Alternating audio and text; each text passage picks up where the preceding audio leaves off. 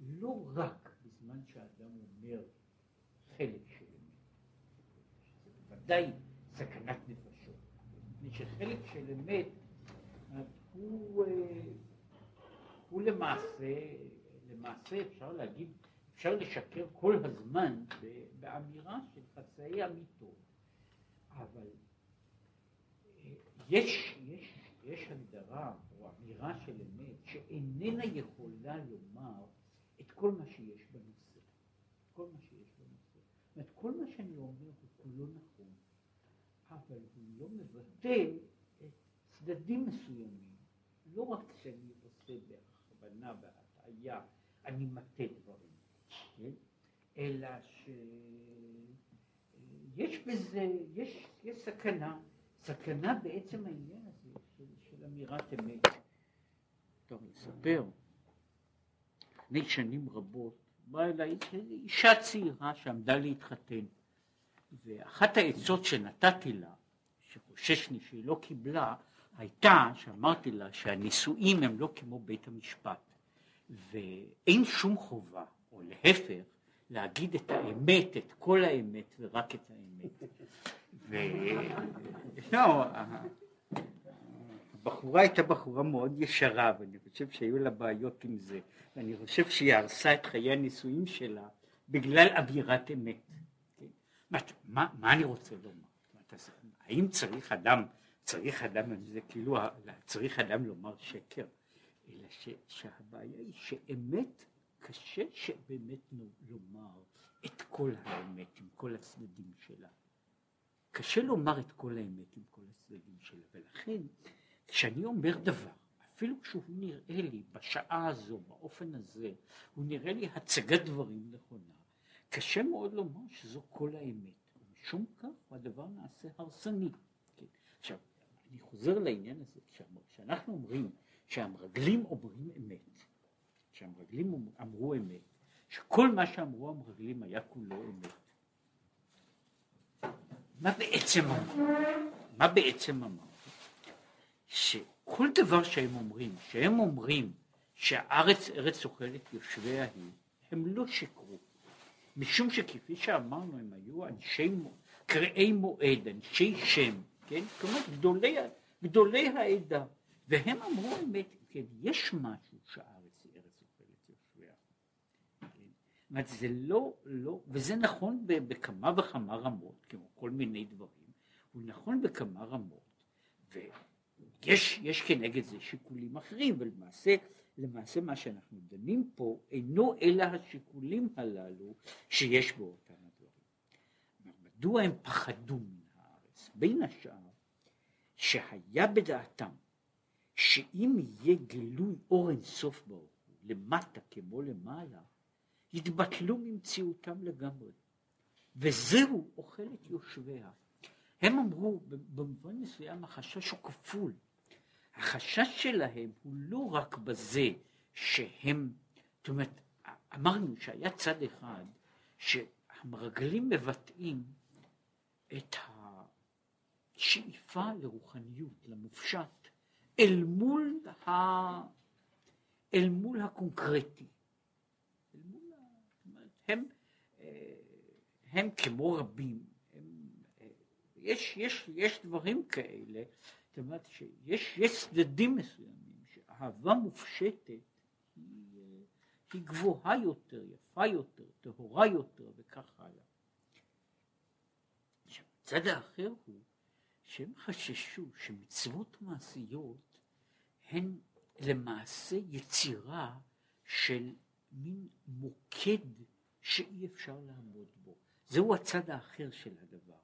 אומרת, העולם המופשט, העולם של המחשבה המופשטת, העולם, העולם, העולמות הרוחניים עד לדרגה מסוימת, הם עולמות שהם מבחינת עצמם ניתנים לשליטה. משום שבעולם רוחני רק לעיתים רחוקות יכול להיות מסוכן באותה מידה, משום שאני בונה את המנגנון כמה אני קולט ממנו. ומבחינה מסוימת אינני יכול לקלוט יותר ממה שאני מסוגל להכיל.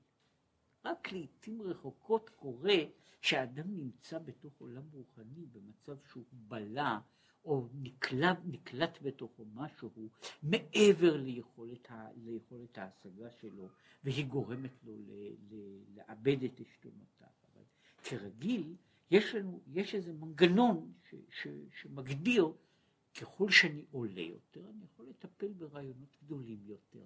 כשאני אומר רעיון גדול, יוצא מן הכלל, בשן, שיכול לשבר, לשבר הרים לאדם שאיננו מבין, הדבר הזה לא יעשה עליו רושם כלל, הוא פשוט לא הבין. עכשיו, אינו, אין הדבר כן כשאני נכנס אל מציאות שהיא הרבה יותר חמורה לתוך מציאות חומרית. שם המציאות הזו איננה מתכווננת לפי יכולת הקליטה שלי. כשאני נכנס לאש, האש איננה מקטינה את עצמה רק לפי, לפי שיעור הקומה שלי, כמה אני יכול להכיל. עכשיו, כאן במקרה הזה אני נמצא אני יכול, אני נמצא בתוך סכנה. עכשיו, הם טענו שכאשר מועבר העניין של הקדושה אל החומר הגשמי ונוצר מוקד שהוא עניין של קדושה אלוקית, הוא ישרוף אותנו. הוא ישרוף אותנו דווקא, זאת אומרת, יש פה סוג של, של שני צדדים, אומרת, או שאנחנו לא נצליח ואנחנו, תהיה ארץ אוכלת יושביה כמו שקרה שהחומר והחומריות וההתעסקות בחומר נעשית הרסנית בשביל חיי הרוח. כשאני לוקח בן אדם, אה, אה, אני לוקח אינטלקטואל, ואני אומר לו להיות עובד אדמה. עכשיו, יש עובדי אדמה לפי סרטי הקרן הקיימת, ששלושת רבעי מהזמן רוקדים, ובכמה רגעים אוספים, קוטפים, קוטפים תפוזים מן העץ. זה, חקלאות כזו, אפשר לעמוד בה, כן? אבל כשיש החקלאות שמישהו צריך לקום ב- ב- לפני השכמת הבוקר, לחלוף פרות, והוא צריך לקום לפעמים בשתיים בלילה לפתוח את הממטרות מפני שיש עכשיו קרה וצריכים לשנות את הטמפרטורה. עכשיו במקרה הזה, עם כל מה שקורה, באמת, אני שוקע בתוך חיים שמאוד מאוד קשה להינתק מהם. עכשיו, זה נכון אגב לגבי תחומים אחרים, מבחינה מסוימת, דווקא האדמה, האדמה עם השעבוד שלה, וחז"ל אומרים, יפה על העניין הזה, שעל עובד אדמתו יסבע לחם, שמי שנעשה עבד לאדמתו הוא זה שיכול לסבוע ממנה. כן? אי אפשר לשחק איתה ולהשאיר אותה שהיא תנהל את עצמה. עכשיו כאן במקרה הזה יש סכנה אחת, זו הסכנה של השקיעה אל תוך תחום החומר. זוהי השקיעה המשעבדת אל, ה, אל, ה, אל החומר, וכשככל שיש יותר התחייבויות ומחויבויות אל העולם החומרי, אז יש שעבוד יותר גדול. עכשיו קורה שהאיש הרוחני, הדמות המופשטת, הופכת להיות לאדם ש, שנעשה יותר ויותר חומרי, גשמי. כן, יש, יש הבדל בין, אה, שיש לאנשים מסוימים, אה, זה הרבה יותר קל לאהוב ילדים בתיאוריה מאשר לחתל אותם בריאליה, אבל זה לא רק יותר קל, אומרת, כש, כשאני, כשהילדים הם בתיאוריה אפשר לאהוב אותם באהבה שלמה וגמורה, כשהילדים הם למעשה מלכלכים יש לי בעיה אם האהבה שלי נשארת באותה מידה, אם אני לא יוצא מגדרי. עכשיו, כל אלה הם חלקים שהם נכונים באותה מידה, באותו היקף, לגבי הכניסה אל הארץ הלזו החומרית, כמו. והכניסה הזו אל החומר ואל העולם הגשמי, היא, היא הדבר שהוא אה, יוצר את הבעיה האחת. שהארץ תבלע אותנו, היא אוכלת יושביה, במובן הזה אנחנו מחויבים בה, וזה לא משנה, גם מצוותיה פועלות אותו דבר. יש צד מסוים, שוב, כשאני נמצא, גם כשאני נמצא במצווה חומרית, יש לי המון התעסקות בדברים, בדברים מוחשיים וגשמיים. אם אני צריך להניח תפילין בפועל, אני צריך לדאוג לכל מיני דברים, לשלמותם, לניקיונם, לעשייתם. כשאני עוסק במצוות תפילין בתיאוריה, היא נעשית היא הרבה יותר נקייה. עכשיו, זו, זוהי בעיה אחת. זאת אומרת, הבעיה, הפחד מארץ ישראל הוא לפי זה, בצד אחד, שארץ היא אוכלת יושביה מפני שהדרישה שלה להיכנס אל החומר, היא דרישה שיכולה לעכל את כל, להרוס את כל הצד הרוחני. זוהי בעיה, זוהי בעיה אגב בכל מעבר כזה מן התיאוריה אל ההגשמה, מה, ש, מה שהיו קוראים לו הבעיה ההיסטורית הכללית של הניסיונות להגשים אוטופיות.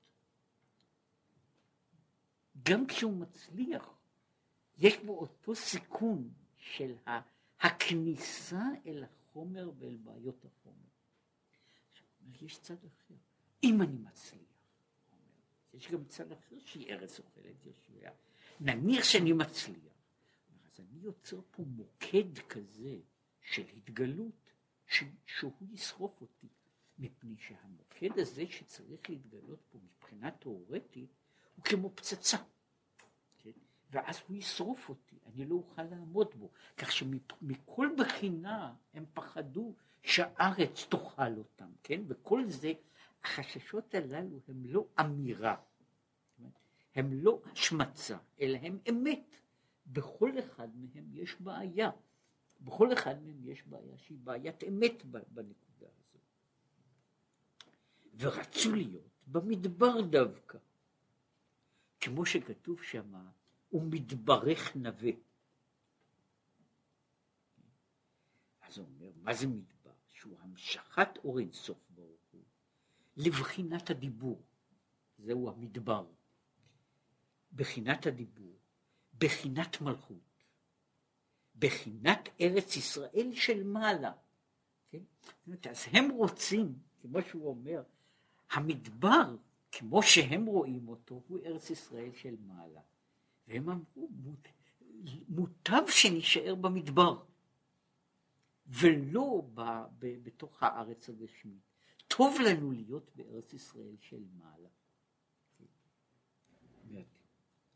עכשיו, ש... והיא נקראת בחינת ארץ, לפי שהיא בחינה התחתונה שבאלוקות. או כמו שכתוב, והארץ הדום רגליים. אם כן, הבחינה הזו של הדיבור של מעלה, דבר השם, המלכות האלוקית, זוהי הארץ העליונה. והם אומרים, כשאנחנו נמצאים במדבר, כמו שהם נמצאים, אנחנו הרי נמצאים כמה קרוב שאפשר אל הארץ העליונה, אל הדיבור האלוקי, אל, אל אה, מה שקוראים לזה, אל ארץ ישראל של מעלה. וזוהי המדרגה שבה צריך להיות. מרוקדים. ושוב על, על העניין הזה שהוא מסביר מדוע הדיבור ועולם הדיבור הוא העולם שמצד אחד הוא נקרא ארץ ויש לו כל העניינים של הארץ. וכתיב השם בחוכמה יסד ארץ. ועל זה כאן יש בזוהר שהוא נותן לו אותו ביטוי, הוא מתרגם אותו רק במונח, במינוח קבלי, אבא יסד ברטה. עכשיו בחינת אבא היא בחינת החוכמה, ברטה היא בחינת המלכות. האב בונה את, ה, את, ה, את הבת, החוכמה יוצרת את הדיבור. עכשיו כאן הוא נוגע פה בנקודה הזו, שזו נקודה שיש לה אריכות גדולה בעניין הזה,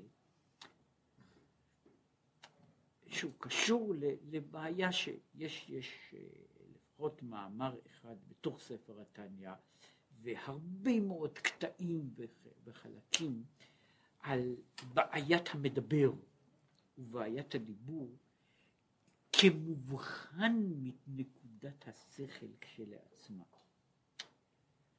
דיבור הוא דרגה מיוחדת לעצמה, שאיננה קשורה למהות של מחשבה.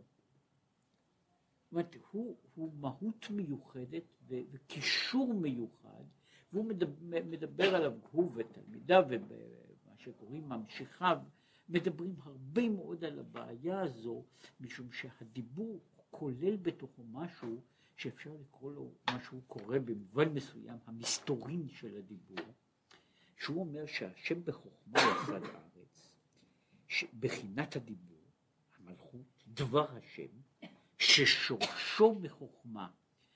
דווקא הדיבור שורשו מדרגה גבוהה מאוד, והיא דווקא דרגת החוכמה. במובן מסוים, הבינה היא החשיבה, החשיבה הפעילה. החוכמה שהיא דרגה שעומדת על גבולות המודע, היא זו שיוצרת את הדיבור. משום ש... וכאן יוצא, כאן יוצא כאילו המהות, הדבר הפרדוקסלי, שדיבור הוא למעלה ממחשבה. עכשיו זה קשור לכל בעיית המדבר, שאגב היא בעיה, שוב, בתפיסת תפיסת העולם בכלל, שהיא קשורה ל...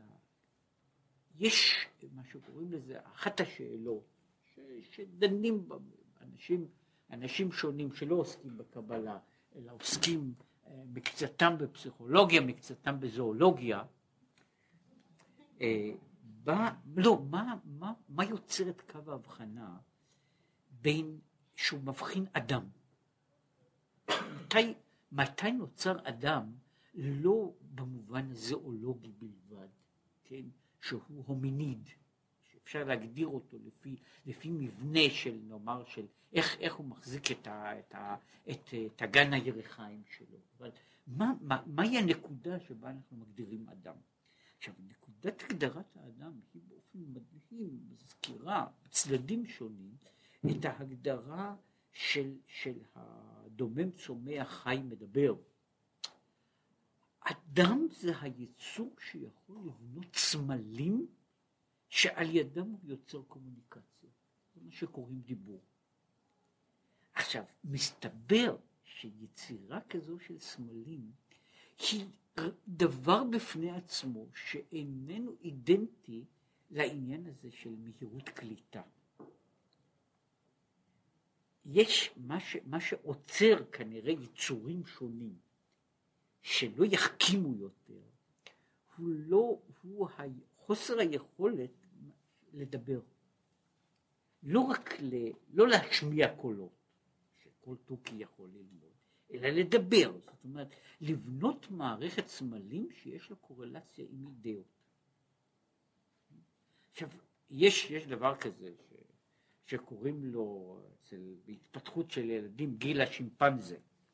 כן? זאת אומרת, יש, יש גיל שבו, ועשו, אה, עשו כבר, כמובן רק פסיכולוגיה עשה ניסיון כזה, שהוא גידל שימפנזה ואת הבן שלו, את הבת שלו, יחד.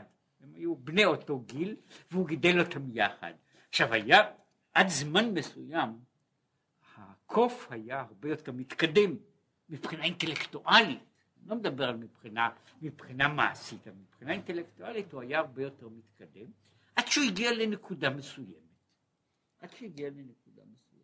עכשיו הנקודה הזו הייתה קשורה בצורה מכרעת ביכולת של יצירת סמלים. זאת אומרת ביכולת הזו של המדבר. שם הייתה איזו נקודה מכרעת שהאינטליגנציה כאילו נעצרת. אינטליגנציה לבד היא דבר בפני עצמו. לכן פה החלוקה שהוא מחלק בין המחשבה, המחשבה, כוח המחשבה, לבין הדיבור. וכשהוא אומר שהדיבור זה דבר מסתורי, מפני שהעניין הזה של יצירת הדב, הדיבור, יצירת המילה, יצירת האות, הוא דבר שבעצם הוא נובע מה שהוא קורא לו מקדמת השכל, מדרגה גבוהה, ב, מדרגה גבוהה שבהשגה. ומשום כך, ומשום כך, הוא אומר, זה, זהו, זהו, זוהי המדרגה הזו של דיבור קשורה דווקא לדרגת החוכמה. זה מה שאומר, וכנראה ממשל התינוק, שכל זמן שאין לו מוחין דייניקה בשלמות, זאת מדובר על, על ההתפתחות של, של תינוק, אומרים, התינוק צריך להגיע למוחין דייניקה. זאת אומרת, יש לו מדרגה, יש מוחין של עיבור, יש מוחין של יניקה, שיש להם גם הסברים בתחומים, בתחומים אחרים. עכשיו, כל עוד לא הגיע התינוק להשלמת המוחין הללו, אף על פי שיש לו כל אותיות פשוטים, אף על פי כן אינו יכול לדבר ולצרף את האותיות. והוא, מחמת שאין החוכמה בשלמות, לחלק הכל ולצרף האותיות כרצונו. זאת אומרת, לילד הקטן, יש, יש כמובן לילדים יש בעיות עם השמעה של אותיות מסוימות, שלפעמים נשארות הרבה שנים, אבל ביסודו של דבר אין שום מניעה לתינוק קטן לבנות את הקולות. זאת אומרת, אין לו בעיה לבנות קולות או לחכות קולות, אבל הוא עדיין לא יכול לדבר. זהו שלב של התפתחות, שהוא לומד לדבר. עכשיו, השלב הזה של הלימוד לדבר, הוא אומר, זה עניין של התפתחות המוח שהוא צריך שתהיה בו חוכמה, ולכן יכול להיות שיהיה זמן שהוא מבין דברים. זאת אומרת, הוא מבין דברים, אבל הוא איננו יכול לדבר, משום שהדרגה הזו, שהיא דרגת החוכמה, איננה פועלת בתוכו, ואשר על כן הוא אינו יכול לדבר, למרות שיש לו הבנה ממין אחר. עכשיו, אם כן, העולם הזה, שהוא קורא לו הדיבור, יש לו קשר לא ישיר, קשר, קשר מה שהוא קורא לו, השם בחוכמה יצא לארץ, הוא קשר שבעומקה של הארץ, בעומק הדיבור נמצאת מדרגת החוכמה. עכשיו, וזוהי מדרגה, לפי זה יוצא שעולם הדיבור הוא עולם ששואב מעולם, זה מה שהוא קורא, אה, נעוץ סופם בתחילתם. עולם הדיבור, שהוא לכאורה הדרגה האחרונה של, הח... של חיי הנפש, יונק מראשיתה, מדרגת החוכמה, שהיא הדרגה העליונה ביותר בתוכה. ורצו המרגלים שיהיו כל ההמשכות מחוכמה עילאה לבחינת דיבור. הם רצו להגיע עד לבחינת המדבר, מדברך נווה. ארץ ישראל שלמעלה, ששם יש גם כן בית המקדש וירושלים בכל הבחינות. זאת אומרת, אז הם אמרו, אנחנו רוצים גם כן את ירושלים, אבל אנחנו רוצים את ירושלים של מעלה. אנחנו רוצים גם כן לעבוד עבודה בבית המקדש, אבל אנחנו רוצים לעבוד עבודה בבית המקדש של מעלה. ויש בית מקדש של מעלה. עכשיו שם הכהן הגדול הוא מיכאל השר. כן? אז שמה ושם יש דברים אחרים. ובמקדש הזה, שם נוח לנו. זאת אומרת, כשהוא רואה את המרגלים לא כמורדים בתפיסה של התורה או של הדבקות בה, אלא הם אמרו, המקום שבו אנחנו נמצאים, המדבר, שהוא כמו שהוא רואה אותו, העולם של הדיבור האלוקי, שלא הגיע לידי מעשה, שהוא לא עולם המעשה, שהוא עולם ש, שבו הדברים בהפשטה, זהו העולם שבו אנחנו צריכים להישאר. זוהי המדרגה כאן, זו הנקודה. לרדת למטה מזה מסוכן, משפיל ו, ומאיים. על כן נישאר במדבר, ושם יהיה לנו ארץ ישראל של מעלה, ירושלים, בית המקדש, מזבח, קורבנות, אבל את כל זה, אה, כמו שיש בגמרא, שיש יש ברקיע, יש, יש, שב, יש שבעה רקיעים, ויש רקיע אחד שנקרא זבול, ובו בית המקדש בנוי, ומיכאל השר הגדול מקריב קורבנות.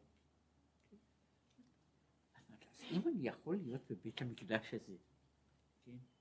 שבו יש באותו מקום, יש מחלוקת של תוספות, עם מה מקריב מיכאל השר הגדול, אם הוא מקריב עליו נשמות על המזבח הזה, או מקריב כבשים של אש. עכשיו, כבשים של אש יש להם המון מעלות, המון מעלות שאין לכבשים גשמיים. כן? אז אנחנו רוצים להישאר עם זה. זוהי בעצם המדרגה, בבחינה הזו, זוהי המדרגה בשלמות שאנחנו רוצים להישאר בה, ולזה זה לא חוסר, מה שרציתי להסביר, מה שהוא מנסה פה להעמיד, זוהי העמדה של עולמות, זו העלמה, העמדה של עולמות, זה עולם, זה העולם של האידיאלים, אל מול אה, עולם המעשה. כן? ושהמרגלים לא רוצ... אומרים שהארץ, הכל בסדר, מצד אחד זה גדול מדי, מצד שני זה מסוכן מדי, זה מקום מאיים. במדבר זוהי המדרגה ששם אפשר לעמוד. שם אפשר לעמוד. ושם אנחנו יכולים למלא את חיינו ב, ב, ב, בשלמות. שם אנחנו יכולים להיות, אומר, ואני חזרתי לעניין הזה, להיות יהודי בארץ ישראל כולל בתוכו מעצם ההגדרה המון המון כניסה אל החומר והתלבטות עם, עם, עם, עם החומר הגס. להיות יהודי מחוצה לה מבחינה זו פחות קונקרטי, אבל אה, יכול להיות הרבה יותר יפה. יש, אה, אה, איך להגיד את זה, אפילו הלכות שהן לא כל כך הלכות סימפטיות, אבל אני מוכרח לומר שהלכות מלחמה, הלכות מלחמת מצווה, כשלומדים אותן בחוץ לארץ, הן נשמעות הרבה יותר טוב מאשר בארץ ישראל. כן? לא, יש משהו במלחמה הזו, לא רק, זה לא רק עניין של... זה, זה, זה, זה, זה, זה עניין שקשור בדרך הטבע, לא כשבן אדם מדבר על מלחמת היצר, שהיא גם כן מלחמה, ומלחמות מלחמות אלה, שאני מדבר על הלכות מלחמה. זאת אומרת, ההלכות הללו כהלכות יש להם המון דברים שאין בעולם, שאין בעולם הגשמי, ושהעולם הגשמי מקלקל אותם. עכשיו לכן העמידה הזו, הבחירה במדבר, היא לא השתמטות מהקדושה. כך הוא רואה אותה. היא לא בריחה מן הקדושה, היא בריחה מן הקונקרטיות של עולם המעשה. עכשיו זה לא דבר פשוט, הבחירה הזו, הבחירה הזו היא לא בחירה פשוטה, כן? היא לא בחירה פשוטה באופן, בדרגה אידאית. עכשיו הוא. אבל יהושע וכלב אמרו, טובה הארץ מאוד מאוד. אומרת, זה, יש עשרת המרגלים אומרים דבר אחד, ויהושע וכלב אומרים שטובה הארץ מאוד מאוד. שעל ידי ארץ ישראל שלמטה, דווקא, בחינת מצוות מעשיות דווקא, יומשך בחינת אור אינסוף, בחינת מאוד, שהוא בלי גבול. הרי מאוד זוהי הגדרה של הדבר שאין לו גבול. בבחינת עלמין סתימין ועלמין דאתגליין. זה מה שהוא אומר, שכד אתכפיא סטרא אחרא. אסתלק יקרא דקודשא בריך הוא לעילא לעילא. כאשר שיש, שהוא מתגלה בעלמין סתימין דלא אתגליין ובעלמין דאתגליין. וזהו מאוד מאוד, שתי פעמים מאוד. עלמין סתימין ועלמין דתגליין. עכשיו, אומר, זהו צד אחד, הוא אומר, אומר ארץ ישראל עם, עם הסיכון, הם צריכים להודות בסיכון, אבל עם הסיכון היא בעצם הפתרון, שם יש התיקון של, של הדברים עד לבחינת המגע באינסוף. שזה איננו יכול להיות מחוץ, זאת אומרת, הוא איננו יכול להיות מחוץ לתחום של, של הגשם. זאת אומרת, פה מופיע, מופיע דבר שהוא יחזור אליו. במובן, במובן הזה, כאילו, הדבקות האמיתית, המוחלטת, היא באה בתוך העולם הגשמי ועל ידי העולם הגשמי. מי שרוצה להגיע לדבקות על ידי זה שהוא יוצא ממנו, ממנו שהוא מנסה לצאת ולהיחלץ מן העולם הגשמי, שזה כמעט הקו של כל מיסטיקאי בעולם, חוץ מאשר יהודי. שהוא הקו של הניסיון להינתק, להינתק מן, ה, מן החומר ומן המעורבות בחומר, ולהגיע לעולם יותר מופשט. זאת אומרת, העולמות המופשטים הם עם כל המעלות שלהם, ויש גבוה מעל גבוה וגבוה מעל גבוה בתוכם, עד לבחינת אינסוף, שם הם עדיין מוגבלים בתוך עצמם. בחינת אינסוף היא מגיעה, אפשר להגיע למגע איתה דווקא כאן, בתוך העולם הגשמי. וכאן הוא חוזר לעניין הזה. אז כי באמת, עיקר כוונתו יתברך, שיהיה דירה בתחתונים דווקא. וכמאמר חז"ל, מאמר חז"ל, נתאווה הקדוש ברוך הוא להיות לו דירה בתחתונים. עכשיו הוא אומר, במובן מסוים, הבריחה מן הארץ, או הבריחה מן החומר, שהיא בריחה מן הקדוש ברוך הוא, מפני שבריאת העולם הזה, הגשמי, החומרי, היא מראה מה הוא רוצה לעשות. הקדוש ברוך הוא בר, ברא את העולם הגשמי, החומרי, הנמוך הזה, כדי שבתוך העולם הזה תהיה לו דירה. עכשיו, כל העולמות האחרים, הם בבחינה הזו, הם לא המטרה. הוא רוצה דווקא לדור כאן, בתוך, בתוך העולם החומרי, ושיהיה נגלה לעין כל בשר. כמו שאומר, ונגלה כבוד השם לעיני כל בשר. עכשיו, ההדגשה, יש פה הדגשה, הוא מדבר על זה, יש הבדל זה, אגב, ההבדל הזה הוא, הוא, הוא נכון ב, ב, ב, גם כשמישהו מרגיש את המליצה. יש הבדל, אם אני אומר, נגלה לעיני כל אדם, או נגלה לעיני כל בשר. בשר, זאת אומרת, הוא, אם, אם אני צריך לקרוא ככה לבני אדם, זה לא קריאה של חיבה. אומרת, זה לא, זה לא תפיסת האדם בבחינה, בבחינת העליון שבו, אלא זו בחינה, בשר, תמיד ביטוי הזה, שאני מדבר על אנשים, ואני אומר, ונגלה כבוד השם לעיני כל בשר. אבל הוא אומר, זה מה שהקדוש ברוך הוא רוצה. הוא רוצה לא רק שה... נקרא לזה, אלה שיש להם עיניים, עיניים שאינם עיני בשר. הוא רוצה שיהיה נגלה כבוד השם לעיני כל בשר. דווקא בשר. ושיהיה הגילוי למטה כמו למעלה. יותר מזה, ואדרבה, ביתר שאת ויתרון אור הבא מן החושך דווקא. עכשיו אומר בעצם הקדוש ברוך הוא רוצה לא רק שפה בעולם התחתון תהיה לנו אפשרות לראות את כבוד השם כמו שרואים אותו בגן עדן, הוא אומר שפה אפשר להגיע למדרגה שהיא למעלה מגן עדן, שמבחינה זו, הייתי אומר, יש שם המאמר בפרקי אבות, שהוא אחת השאלות, כל חיי העולם הזה הם פרוזדור לעולם הבא.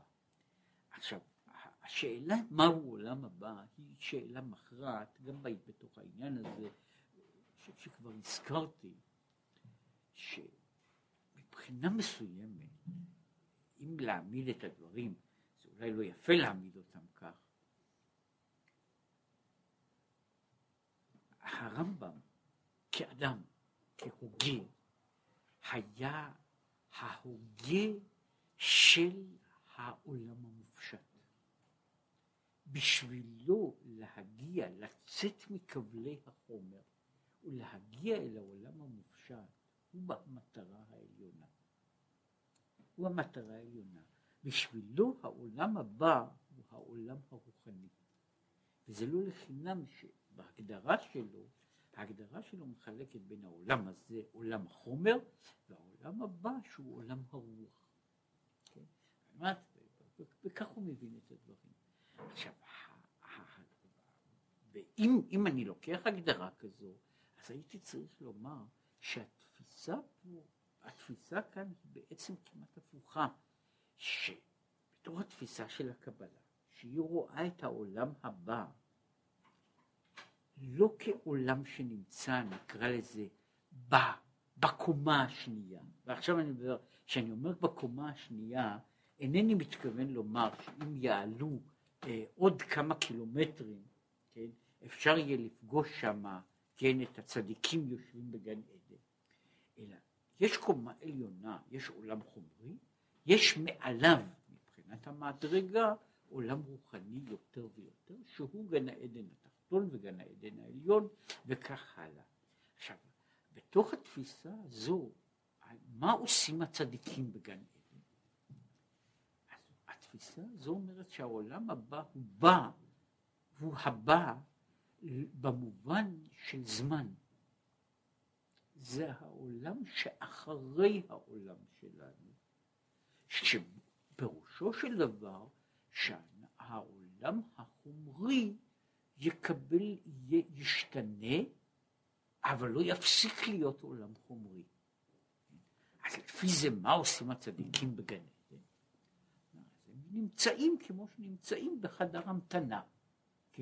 מכיוון שהם צדיקים, דואגים שיהיה להם חדר המתנה לפי כבודם ולפי מעלתם, כן? אז נותנים להם חדר שיהיה נעים להיות בו, כמו שנותנים לכל אחד בחדר המתנה, אם אני רוצה לכבד אותו, אבל זה פרוזדור, אם להעמיד את זה כך, אז זהו פרוזדור לטרקלין, כן?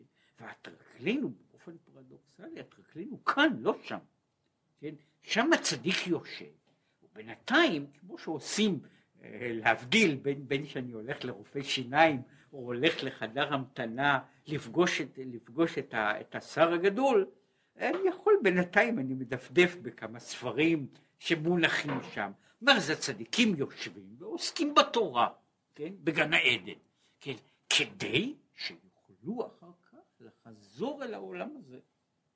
משום שהעולם הזה הוא בעצם תכלית הכוונה, תכלית, תכלית ההגשמה. כי בעולם הזה יש, צריך להיות גילוי יותר גדול מאשר בעולמות עליונים לאמור רוחניים, אלא דווקא זה, וכי בעולם הזה יש יתרון האור הבא מן החושך, שהאור שבעולם שלנו הוא אור שנובע ויוצא מזה שאנחנו מפרקים חושך ועושים ממנו אור. זאת אומרת העבודה שלנו בעולם הזה זה, זה לשבור את החושך ולהוציא אור מתוך החושך.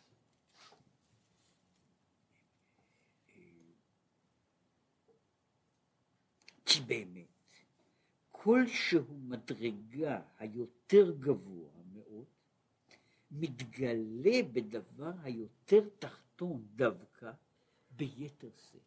עכשיו, פה הוא אומר דבר שהוא יוצא מעבר לשאלה, או מעבר לנקודה. הנקודה שהזכרנו ביחס לשבירת הכלים. כאן הוא אומר שבמובן מסוים, קודם כל הוא אומר,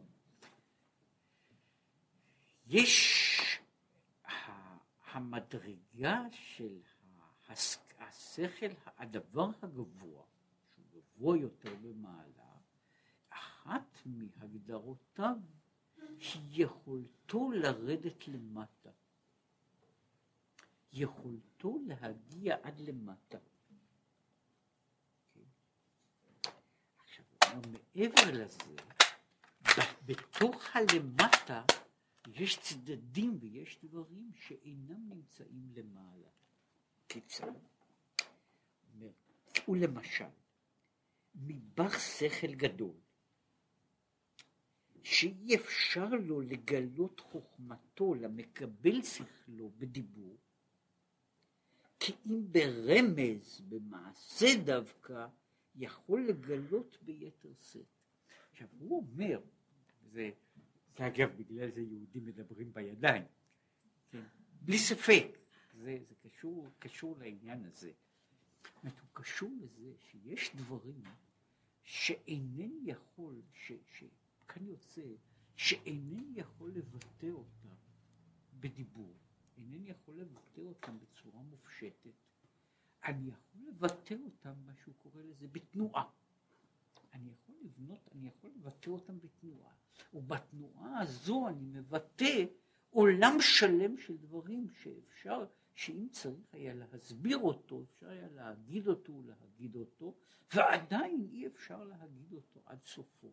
עכשיו העניין הזה הוא אומר, הוא מפני שיש, יש, עומדים דברים שנמצאים בדרגה גבוהה כל כך, ש, שהאומר מרגיש שהדיבור איננו מספיק, איננו כלי מספיק, כדי לבטא אותם.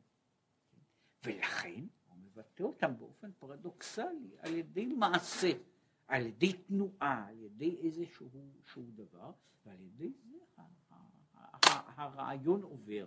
וכמו שם אומרים, כמו כעניין מאמר חז"ל, דחקימה ברמיזה. שוב, אנחנו חוזרים לבעיה הזו של, ה, של בחינת החוכמה, שבחינת החוכמה, שהיא הבחינה העליונה, היא זו שיכולה, היא יכולה, לפעמים ואינה יכולה להתבטא אלא ברמז. אם, אם דיברנו על זה שהחוכמה, בחוכמה יסד ארץ, החוכמה מתבטאה בתוך הרמז משום שכל מהותה של החוכמה היא הדברים הללו שעדיין אינם ניתנים למחשבה. בצד הזה, כאשר הדבר מגיע מן החוכמה אל הבינה, הוא אמנם נעשה אובייקט של חשיבה. מהבחינה הזו הוא מתעלה.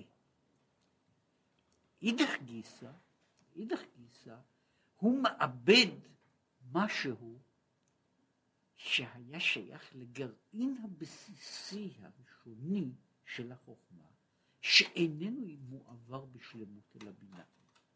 עכשיו, הגרעין הבסיסי הזה הוא לפעמים מתבטא בתוך הדיבור, וביתר שאת, אם הוא יכול להגיע בתוך, בתוך המעשה. זאת אומרת, המעשה שנמצא למטה מטה, יכול לבטא את הדברים האלה, את המסתורים, שאי אפשר לבטא אותו על ידי, על ידי צורות חשיבה. עכשיו, במובן הזה, יש דיבור, שבעצמו הסמלים, מה שהוא קורא במקום אחר, הוא על פי לשון ספר יצירה, האבנים שבונות את הבתים. כן, אומרת, האבנים בונות, יש אותיות, כל אות היא אבן, והוא מדבר על זה שאבן היא דבר גשמי. האבנים בונות בתים, הבתים בונות עיר, בונים עיר. כן, זהו, זהו האופן שבו נבנה, נבנה עולם שלם, מאבנים, מחומרים שהם לכאורה מאוד גשמיים וחסרי, וחסרי אה, חסרי אה, משמעות. עכשיו, מעבר לזה, יש במעשה אותו דבר שיכול לבטא יותר מאשר כך וכך וכך דיבורים, שאינם אינם מבטאים את, ה, את העניין. דיברו כבר על, על העניין הזה. הבעיה של הקול הפשוט אל מול הקול המורכב, עם ארטיקולציה, הבעיה של המעשה כאמצעי ממין אחר, מסוג אחר, להעביר דברים שאי אפשר להעביר אותם בדרך של דיבור. עכשיו עוד משל, מחותם של אבן טוב בהיר, שעל ידי בהירותו אינם ניכרים האותיות וניכרים ונתגלים האותיות על השעבה דווקא, בגילוי לאין כל. כן, יש, הצד האחר הוא החותם. החותם איננו, איננו ניכר כשהוא נמצא בחותם. קשה הרבה יותר לקרוא את החותם שהוא בצורה של חותם, למרות שהוא עשוי על אבן טובה, והחותם ניתן לקריאה, הוא מגיע לקריאה דווקא כשהוא מונח, ש, ש, ש, שחותמים בו חומר, חומר, חומר גשמי וחומר, ו, וחומרי ופשוט, שאיננו זוהר ואיננו מבריק, ומשום כך אפשר לבנות בו חותם. יש על הבעיה של החותם, יש גם בסוף בשיר השירים על סימני כחותם. בעיית החותם היא כוללת בתוכה גם את הבעיית, מה שקוראים לזה, את העניין של ההיפוך. החותם והנחתם הם, הם דבר אחד, שני צדדים של דבר אחד. הם מצד אחד הם הפוכים, אבל הם מבטאים את המעלה והמטה בצורה אחרת. זאת אומרת, מבחינה זו, זה קשור, אגב, הוא לא נכנס פה לכל, לכל בעיית החותם. בתוך בעיית החותם יש גם דבר אחר, שמה שנמצא בחותם למטה, משהו שקוע בחותם, הוא נעשה הדבר הבולט בתוך הנכתב. עכשיו, במובן הזה, יש, יש יחס ישר, הפוך, בנוי ב, ב, ב, ב, בצורה דיאלקטית גמורה ביחס בין עולם הזה ועולם עליון. ביחס בין, ה, בין מה שהוא קוראים לזה המעלה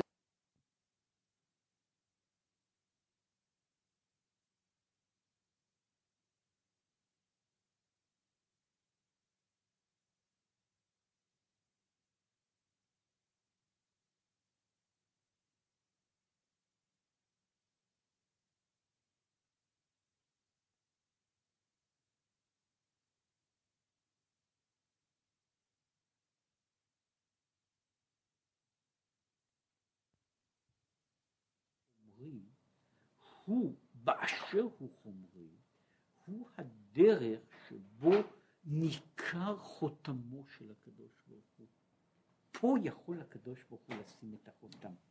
בתוך העולמות הרוחניים אי אפשר להשאיר, החותם לא נעשה יותר ברור בתוך העולם הרוחני. כן? כשאני חותם במים, כן? אני אינני יוצר שום דבר.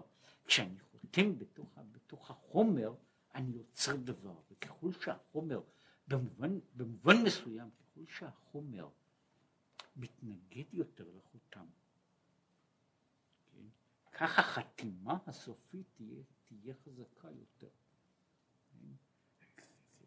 כאשר מנסים לייצר כל מיני דברים, ועכשיו מייצרים הרבה מאוד דברים ב, בשיטה של חותם, כן, בטמפרטורה גבוהה מאוד ובלחץ גבוה מאוד, ואז אני יוצר דברים בצורה של חותם, יוצר כל מיני דברים מורכבים, שבהם דווקא משום שיש להם התנגדות כל כך גבוהה, שם נוצרת הצורה החדשה. וזה שכתוב, זה הרי קשור, זה מופיע בסוף הפרשה, העניין של הציצית, וראיתם אותו, זכרתם את כל מצוות השם. שעל ידי מעשה שהוא בחינת הסתכלות בשלושים ושניים חוטים הגשמיים של הציצית, יבוא מזה ל"וזכרתם את כל מצוות השם". לפי שהטלית הוא בחינת אור מקיף. והציצית שהם שלושים ושניים חוטים, בחינת ל"ב נתיבות החוכמה, שנמשכים על ידי אור מקיף. ואי אפשר שיורמז כי אם במעשה דווקא, הפך מחשבת המרגלים. הוא, הוא אומר שהפרשת ציצית היא כאילו אומרת כאילו כל הפרשה הזו, הוא רואה אותה כאומרת דבר אחד. את הדברים הגדולים של מעלה אפשר להשיג דווקא מתוך, מתוך, מתוך החומר הגשמי. העולם החומרי הגשמי הוא העולם שבו, נעש, שבו אפשר להגיע לדרגות הגבוהות. זאת אומרת, לא כמו שחושבים המרגלים. שבעולמות הרוחניים שם מגיעים למעלה. העולמות הרוחניים הם יחסית עולמות מוגבלים. העולם הזה הוא העולם עולם שבו אפשר להגיע עד למעלה מעלה.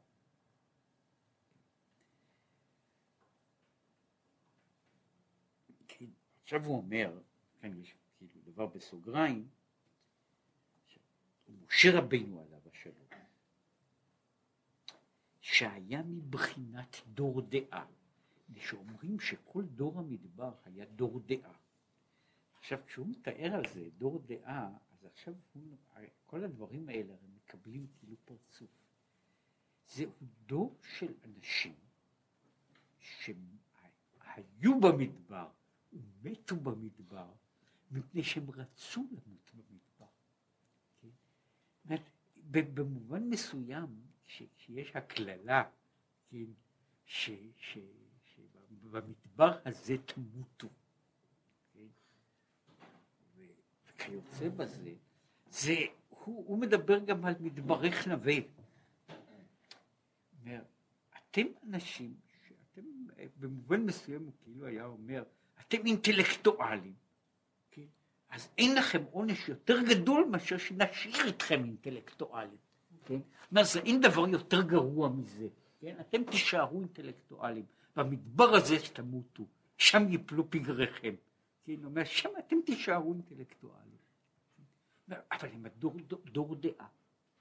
הם דור דעה, ומבחינה זו אומר, כל כך היה קשה להם להגיע. שלהגיע לארץ ישראל הוא בשבילם נקודה של, של משבר, המשבר של, של, של האינטלקט, שצריך להגיע, להגשים את עצמו על ידי המעשה בפועל. עכשיו, משה רבינו, הוא לא רק היה דוד, הוא היה במדרגה גבוהה מאוד נעלה. לא היה לו באפשרות לבוא לארץ ישראל. אומר, לפי מעלתו, אומר, אם היה בן אדם שהיה מסוכן לו לבוא לארץ ישראל, זה מבחינה מסוימת זה היה למשה רבינו. מפני שמשה רבינו, משה רבינו עומד במדרגה כזו, שבשבילו, בשבילו ארץ ישראל היא באמת ה, ב, ב, בצד מסוים הקצה. יש, יש משהו שמופיע במדרשים אחרונים וכיוצא בהם, שאומר מדוע לא, לא נתן הקדוש ברוך הוא למשה לבוא לארץ. שאם משה היה בא לארץ ובונה את בית המקדש, בית המקדש שמשה היה בונה לא היה יכול להיהרס לעולם. ולכן כאשר היו ישראל חוטאים, הקדוש ברוך הוא היה משמיד את היהודים ומשאיר את בית המקדש. לכן הוא רצה שמשה לא יבנה את בית המקדש, אלא שיבנה במובן מסוים, זה כאילו הייתה ברירה, הוא אמר, אתה תבנה את העם שלי, הבניין יבנה מישהו אחר, כן? כדי שאפשר יהיה לשבור שהבניין הזה שבנה, את הבניין של שלמה אפשר לשבור, את הבניין של משה אי אפשר לשבור. להבדיל, היה, היה איש אחד ש... מה אני יכול לעשות? היה לו, הוא היה משומד, אבל אה, הוא אמר על משה רבינו דבר יפה, הוא אומר, אומר, כשהייתי צעיר הסתכלתי כמה יפים, כמה, כמה יופי יש אצל היוונים. אנחנו היהודים, אין לנו, אנחנו לא מטפלים בדברים אחר כך גיליתי, אומר משה, כשהוא משה בנה דברים, הוא בנה כמו המצרים, הוא בנה פירמידה, אלא הוא לא בנה דבר כמו פירמידה, הוא בנה עם שלם. אומר, אז לעומת זה אומר, היוונים הם רק ילדים יפים, כן? האנשים הם אנשים כמו משה. כן? עכשיו אותו, אותה, העניין הזה, מה שמשה בנה, הבניין שמשה בנה בתוך העם, הוא בבית, עם העליות והירידות, הוא נשאר. אבל לא רצה שהוא ייכנס. כשהוא יבוא לארץ ישראל, ארץ ישראל ומשה, הם יוצרים סוג מסוים אולי של, של דבר שהוא באמת קטלני.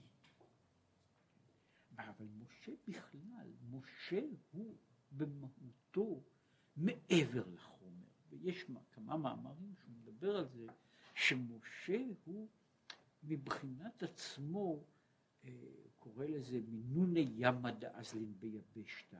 הוא נמצא במדרגה כזו שבשבילו העולם החומרי הוא כמעט עולם לא נגיש. הוא, ב, הוא בקושי מתייחס אליו, ולכן הוא לא יכול לבוא לארץ ישראל. אבל הוא אומר, ואף על פי כן התפלל 515 תפילות כמניין ואת חנן לבוא לארץ ישראל. ואז משה רבינו, שבתוך דור דעה בוודאי היה הגדול מכולם, הוא הבין ש, שההגשמה, בחינת המגע באינסוף הוא רק בארץ ישראל. ולכן הוא עומד ובוכה, כן, הוא מתפלל כל כך הרבה, ושהוא רוצה להגיע לארץ ישראל. וזה מופיע במדרש, שהוא אומר, שהוא אומר, אם אינך רוצה להכניס אותי כמשה, הכניס אותי כציפור קטנה, כן? ובלבד שאוכל לבוא לארץ ישראל. עכשיו הוא אומר, מדוע הוא רוצה? מפני שהוא אומר, זהו המקום שבו מגיעים לאינסוף. גם משה, בבחינה זו, כאילו משה במדבר, הוא עדיין לא בבחינה הזאת. ולכן משה רוצה להגיע לארץ ישראל. הקדוש ברוך הוא יכול להכניס אותו לארץ ישראל. אבל משה רוצה להגיע אל הארץ. הוא רוצה להגיע אל הארץ מפני שהוא, לעומת המרגלים, לעומת המרגלים, הוא יודע שטובה הארץ מאוד מאוד. הוא יודע שזו, שזוהי המטרה של המציאות. הוא יודע שהמדבר הוא רק בסופו של דבר שלב ביניים, שלב הכנה, פיגומים לקראת זה. אבל הוא איננו יכול, זו טרגדיה שלו, על זה הוא כל, בספר דברים, הדברים האלה חוזרים כמה וכמה פעמים. אומר, אתם באים, אתם נכנסים אל הארץ הטובה, אני לא אוכל להיכנס. כן? זה חוזר כמה וכמה פעמים, כן, על, על העניין. זו הטרגדיה שלו. ולמה הוא רוצה לבוא? מפני שזה עיקר המכוון ותכלית הבריאה, כנזכר לעיל. לכן הוא רוצה לבוא לארץ ישראל, לכן הוא מתפלל ומתחנן לבוא לארץ ישראל. אבל למשה זה יהיה גם כן קשה ללכת ולהתעסק בפרטים הקטנים, אבל הוא יודע שזה תכלית הבריאה. אף על פי כן לא זכה. ויהושע דווקא, שאיננו במדרגה של משה, פני משה כפני חמה, פני יהושע הם כפני לבנה, יהושע דווקא מכניס את ישראל לארץ. כל פנים, כאן, כאן נמצא כל, כל ה... זאת אומרת, במאמר הזה, המהות והיחסים. זה לא, לא רק הבעיה של חוץ לארץ וארץ ישראל, זה המדבר והיישוב. גבוה יותר, העולם הרוחני והעולם הגשמי. העולם של התיאוריה ושל החלום, והעולם של הפרקטיקה. ופה יש דבר מאוד, זהו, ה, לא, הוא אומר ככה, העולם הזה הגשמי איננו הגיץ על מוות שבו אנחנו עוברים ומנסים לעבור כמה מהר שאפשר ולא להתלכלך יותר מדי כדי להגיע לאיזשהו מקום, איזשהו מקום עליון. אומר, לאמיתו של דבר, זהו המקום שבו מתרחש הכל. הדברים הגדולים באמת מתרחשים כאן.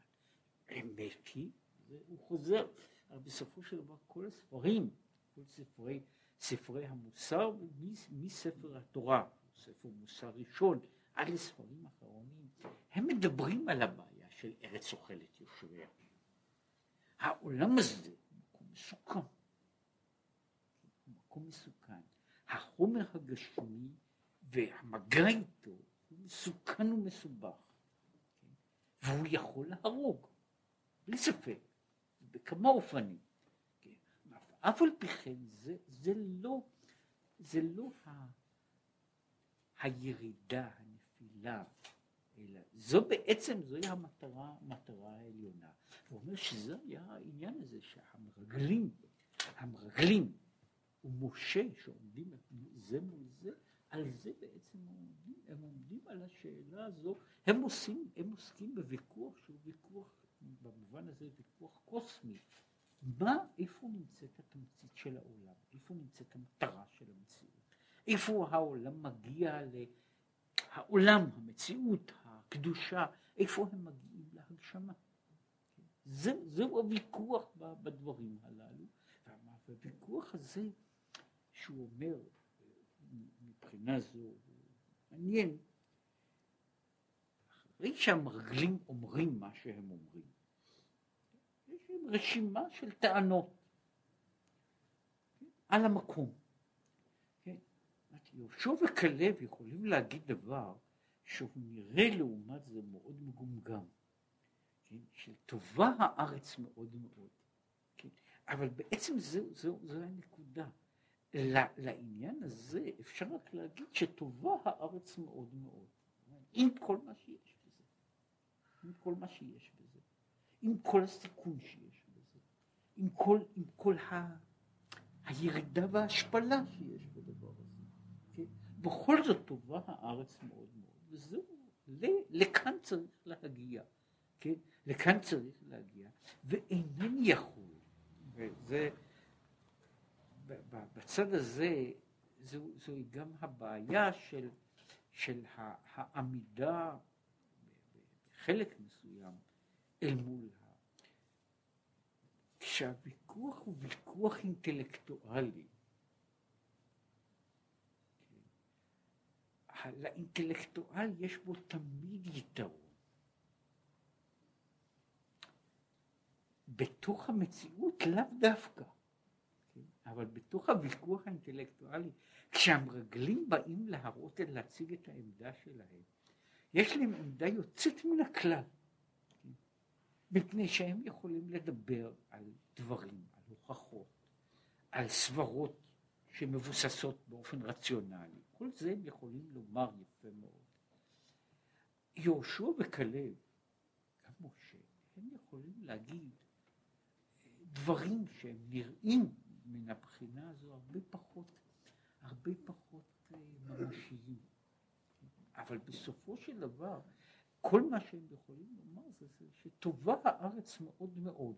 אומר, זה, זה בערך, יש, יש דברים כאלה שהם, יש ויכוחים אינטלקטואליים על מציאות. יש ויכוח אינטלקטואלי על תיאוריה, זה סוג אחד של דבר. יש ויכוח אינטלקטואלי על מציאות. נניח שאני הלכתי למקום וראיתי ג'ירפה, ואני חוזר ומספר, כן? ובא מישהו חכם ומלומד, ומוכיח לי שיצור כזה לא יכול בכלל להיות קיים. עכשיו, יש סיכוי טוב שההוכחות שלו תהיינה הרבה יותר טובות. עכשיו, מה אני יכול להגיד? אני יכול להגיד בסך הכל כמו שהם אומרים, על טובה הארץ מאוד מאוד. אני יכול להגיד בסך הכל, אני אבל ראיתי את זה. זאת אומרת, כאן, כאן נמצא, נמצא הדבר שהוא במובן מסוים עומד על, על אותה נקודה, שבבחינה מסוימת טובה הארץ מאוד מאוד, היא נבחנת בתוך, מס, בתוך עצמה. המבחן האחרון שלה הוא בתוך עצמה, בתוך המציאות שלה, בתוך ההגשמה שלה. ואת זה אני לא יכול להביא לחוץ לארץ. וגם כשאני מביא את הפירות, אני לא מביא, זה לא בדיוק אותו דבר.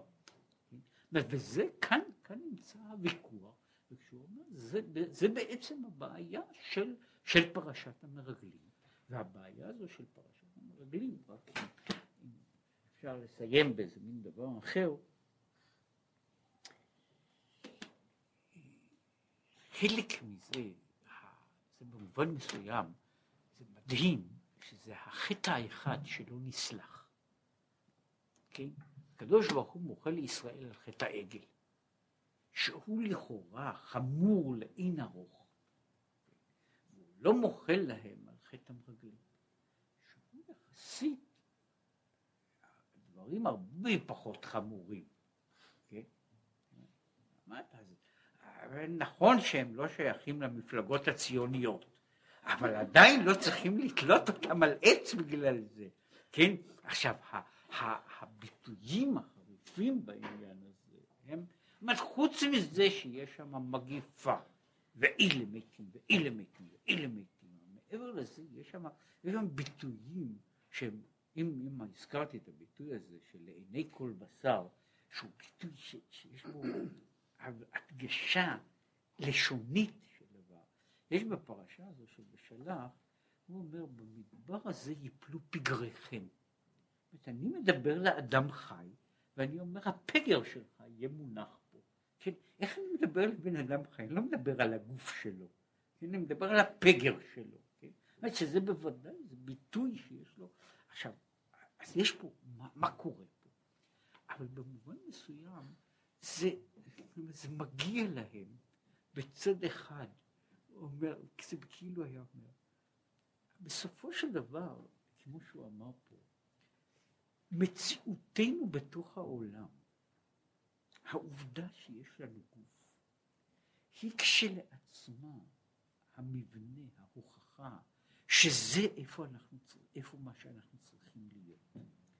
אומר, כשאתה לא רוצה את ארץ ישראל, אתה טוען אותה טענה, כמו שבן אדם אומר, אני לא מעוניין בגוף שלי. אומר, אז תמות פה. כן? זה, זו, זו, זה לא כתיאוריה, הת, התשובה הזו היא במובן מסוים, אם, הייתי לוקח אינטלקטואל אמיתי, אין, אין עכשיו, הם מתו גם כן, אבל אינטלקטואל אמיתי, אז הוא היה יאמר לי ככה, הגוף שלי הוא רק מין נספח, חתיכת בשר שנספחת אל הנפש החושבת, כן? ובמובן מסוים, בשביל האינטלקטואל, ההגדרה הזו היא הגדרה לא כל כך רחוקה. הוא חי עם נשמה ועם פגר. כן? אבל זה בסדר, אם אתה ככה מתייחס למציאות. מבחינה זו, ארץ ישראל היא מקרה מסוים, מקרה מורחב של קיומנו בעולם. של קיום הדואליות הזו של גוף נפש. היא אותו דבר.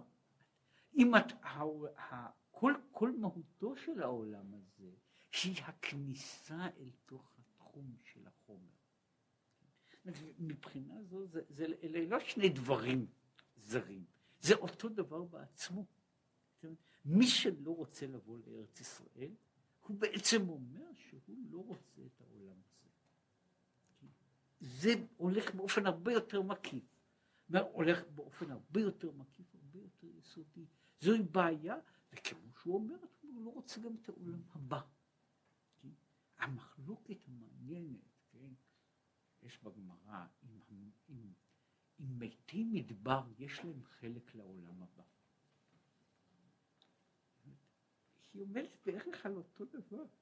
כשתהיה תחיית המתים, תחיית המתים היא בדיוק ההגשמה של אותו דבר, של אותו רעיון, שבגן עדן כמה שהוא רוחני ומופשט וטהור ויפה, הוא עדיין לא הסוף. הסוף הוא שהנפש חוזרת אל תוך הגוף. כשבן אדם אמר שהוא לא מעוניין בחיי הגוף, כן, אז שיישאר שם איפה שהוא נשאר, בשביל מה הוא צריך תחיית המתים.